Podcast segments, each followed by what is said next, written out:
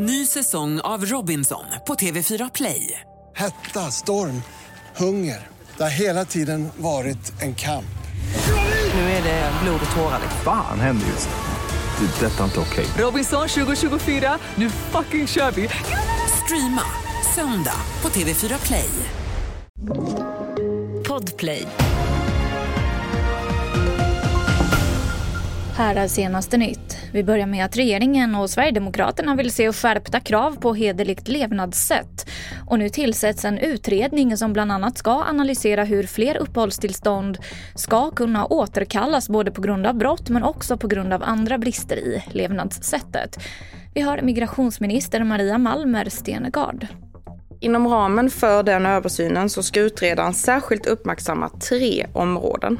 Och de är då skärpta krav på hederligt levnadssätt, möjligheter till återkallelse av uppehållstillstånd i fler fall, samt att berörda myndigheter behöver få tillgång till mer information för att kunna hantera de här frågorna.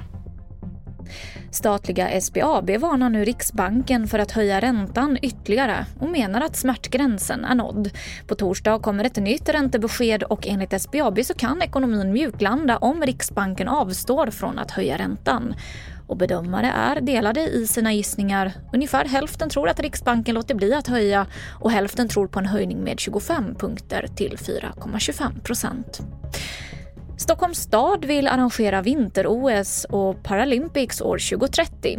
Finansborgarrådet Karin Vangård säger till SR att hon tror att det vore bra för besöksnäringen. Stockholmsregionen är tänkt som huvudort. Övriga tilltänkta orter är Falun, Åre och Östersund. Mer nyheter på tv4.se. Jag heter Emily Olsson.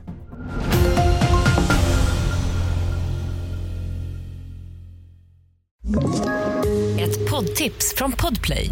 I fallen jag aldrig glömmer djupdyker Hasse Aro i arbetet bakom några av Sveriges mest uppseendeväckande brottsutredningar. Går vi in med hemlig telefonavlyssning och, och då upplever vi att vi får en total förändring av hans beteende. Vad är det som händer nu? Vem är det som läcker? Och så säger han att jag är kriminell, jag har varit kriminell i hela mitt liv men att mörda ett barn, där går min gräns. Nya säsongen av Fallen jag aldrig glömmer på Podplay.